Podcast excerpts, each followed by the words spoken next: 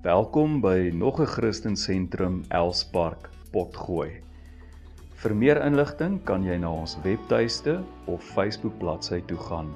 Soek net vir Christen Sentrum Elspark. Baie dankie vir die saamluister en vir jou ondersteuning. Dit is vandag die 4de dag van die heilige week. Jesus se laaste 7 dae voor sy opstanding. Ek maak veral van Markus se evangelie gebruik om aan te toon hoe die gebeure gedurende hierdie laaste 7 dae kronologies ontvou het. Die eerste dag het Jesus Jerusalem op 'n donkie se rug ingery met skares wat uitroep: Hosanna, Hosanna. Die tweede dag op pad van Betanië af terug na Jerusalem toe, kyk Jesus of daar vrugte aan 'n belowende vyeboom is. Daar was niks en hy vervloek die boom. Die derde dag weer vroegoggend van Betanië af op pad na Jerusalem toe, loop hulle verby die vyeboom wat deur Jesus vervloek is en sien dat die boom tot in sy wortels verdroog het. Aan die einde van daardie selfde dag, terwyl hulle wegstap van die tempel af met al sy hoogs indrukwekkende geboue, vervloek Jesus die tempel net soos hy dit met die vrye boom gedoen het. Nie een klip sal op 'n ander gelaat word nie. En net soos met die vrye boom is Jesus se woorde letterlik vervul toe Titus se leers Jerusalem in 70 na Christus binnegeval het en die tempel geheel en al verwoes het sodat daar letterlik nie een klip bo op 'n ander bly staan het nie. Die 4de dag gebeur daar 'n paar goed agter die skerms. Die leierpriesters en skrifkenners begin slinkse maniere soek om Jesus gevange te neem en dood te maak. Judas Iskariot tree nou na vore as die verraaier wanneer hy met die leierpriesters begin saam sweer om Jesus aan hulle oor te lewer. Later, dieselfde dag, waarskynlik teen die aand, tref ons Jesus in Betanië aan. Hy is aan huis van Simon die Melaatse Almal is aan tafel om te eet. Die evangelie van Johannes gee vir ons so 'n bietjie meer inligting. Hy sê dit was Lazarus se huis, dieselfde Lazarus wat Jesus uit die dood opgewek het. Nou kom ons lees nou Markus 14 vers 3 tot 6 en ook vers 8. Terwyl hy, dis Jesus in Betanië, in die huis van Simon die Melaatse aan tafel aangelê het, het 'n vrou met 'n albasterfles met baie duur, egte nardusolie gekom, die albasterfles gebreek en die olie oor sy kop uitgegiet. Sommige het verontwaardig onder mekaar gesê: "Waarom het hierdie verkwisting van die kosbare olie plaasgevind?" Hierdie olie kon vir meer as 300 denarii verkoop word en dit kon aan die armes gegee word. Jesus het egter gesê: "Laat haar begaan. Waarom maak julle dit vir haar moeilik? Sy het 'n goeie daad aan my bewys." En dan vers 8: "Sy het vooruit my liggaam gesalf met die oog op my begrafnis." Die evangelie van Johannes sê vir ons wie hierdie vrou was wat Jesus met die kosbare nardusolie gesalf het. Dit was Maria, Martha se suster. Net om jou 'n idee te gee hoe kosbaar hierdie nardusolie was. Uh dit was 300 denarii werd. En 300 denarii was gelykstaande aan 'n arbeider se loon vir 1 jaar. Dink daaraan, dit sou jou 'n jaar se salaris gekos het. en tog dink Maria nie twee keer om die albasterfles te breek en hierdie kosbare olie net so oor Jesus se kop uit te gooi nie.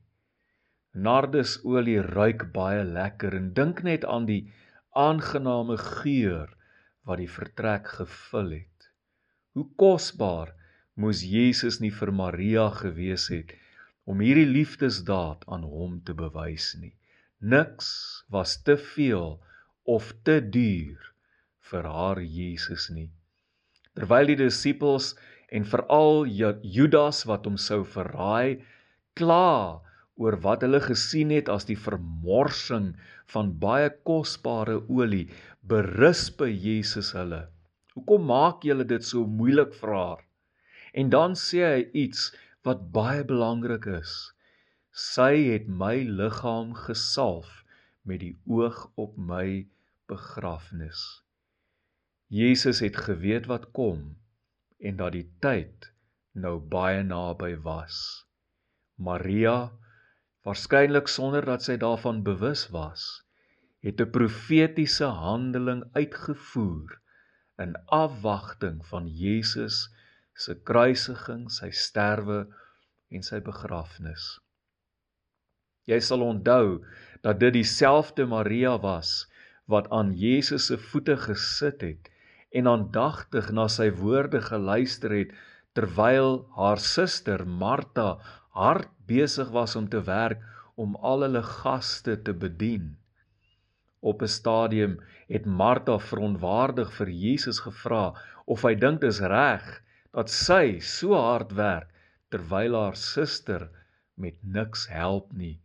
En Jesus het toe mooi met Martha gepraat en vir haar gesê dat haar suster Maria eintlik die beste ding gedoen het om by sy voete te kom sit en na sy woorde te luister. En weer eens sien ons hoe kosbaar Jesus vir Maria was en hoeveel waarde sy aan Jesus se woorde geheg het. Sy het nagelaat om haar suster te help met al die moeisame huistake sodat sy aan Jesus se voete kon sit en na sy woorde kon luister. Daarom is dit geen wonder dat dit uiteindelik sy is en nie haar suster nie wat 'n profetiese handeling kon uitvoer en Jesus kon salf met die oog op sy begrafnis. Die heerlike aroma wat die huis gevul het was uiteindelik die reuk van Jesus se dood en sy begrafnis. En Maria is die een wat hom in liefde daarop voorberei. In hierdie tyd moet ons onsself vra, hoeveel waarde heg ons aan Jesus? Hoe kosbaar is hy vir my? Dit begin nie by nardusolie wat in liefdevolle aanbidding oor Jesus uitgegiet word nie. Dit begin deur waarde aan hom en sy woorde te heg. Dit begin by 'n lewe wat alles kan los om Jesus se woorde te hoor, dit in te drink en dit deel van my lewe te maak. Dan is my aanbidding nie meer goedkoop nie. Dit is duursaam en word wonderlik ondersteun deur die Heilige Gees wat ons laat profeteer oor wat gaan gebeur. Kom ons bid saam. Here, in hierdie tyd waar Goeie Vrydag al hoe nader kom, moet ons ook weer kyk na ons eie lewens en vir onsself vra, hoe kosbaar is Jesus vir ons? Hoe kosbaar is hy vir my? Sou ek 'n jaar se salaris se olie op hom uitgegiet het? Is hy belangrik genoeg vir my dat ek bereid is om stil te word? Sy persoon te bewonder, te aanbid en na sy woorde te luister en daaraan gehoorsaam te wees.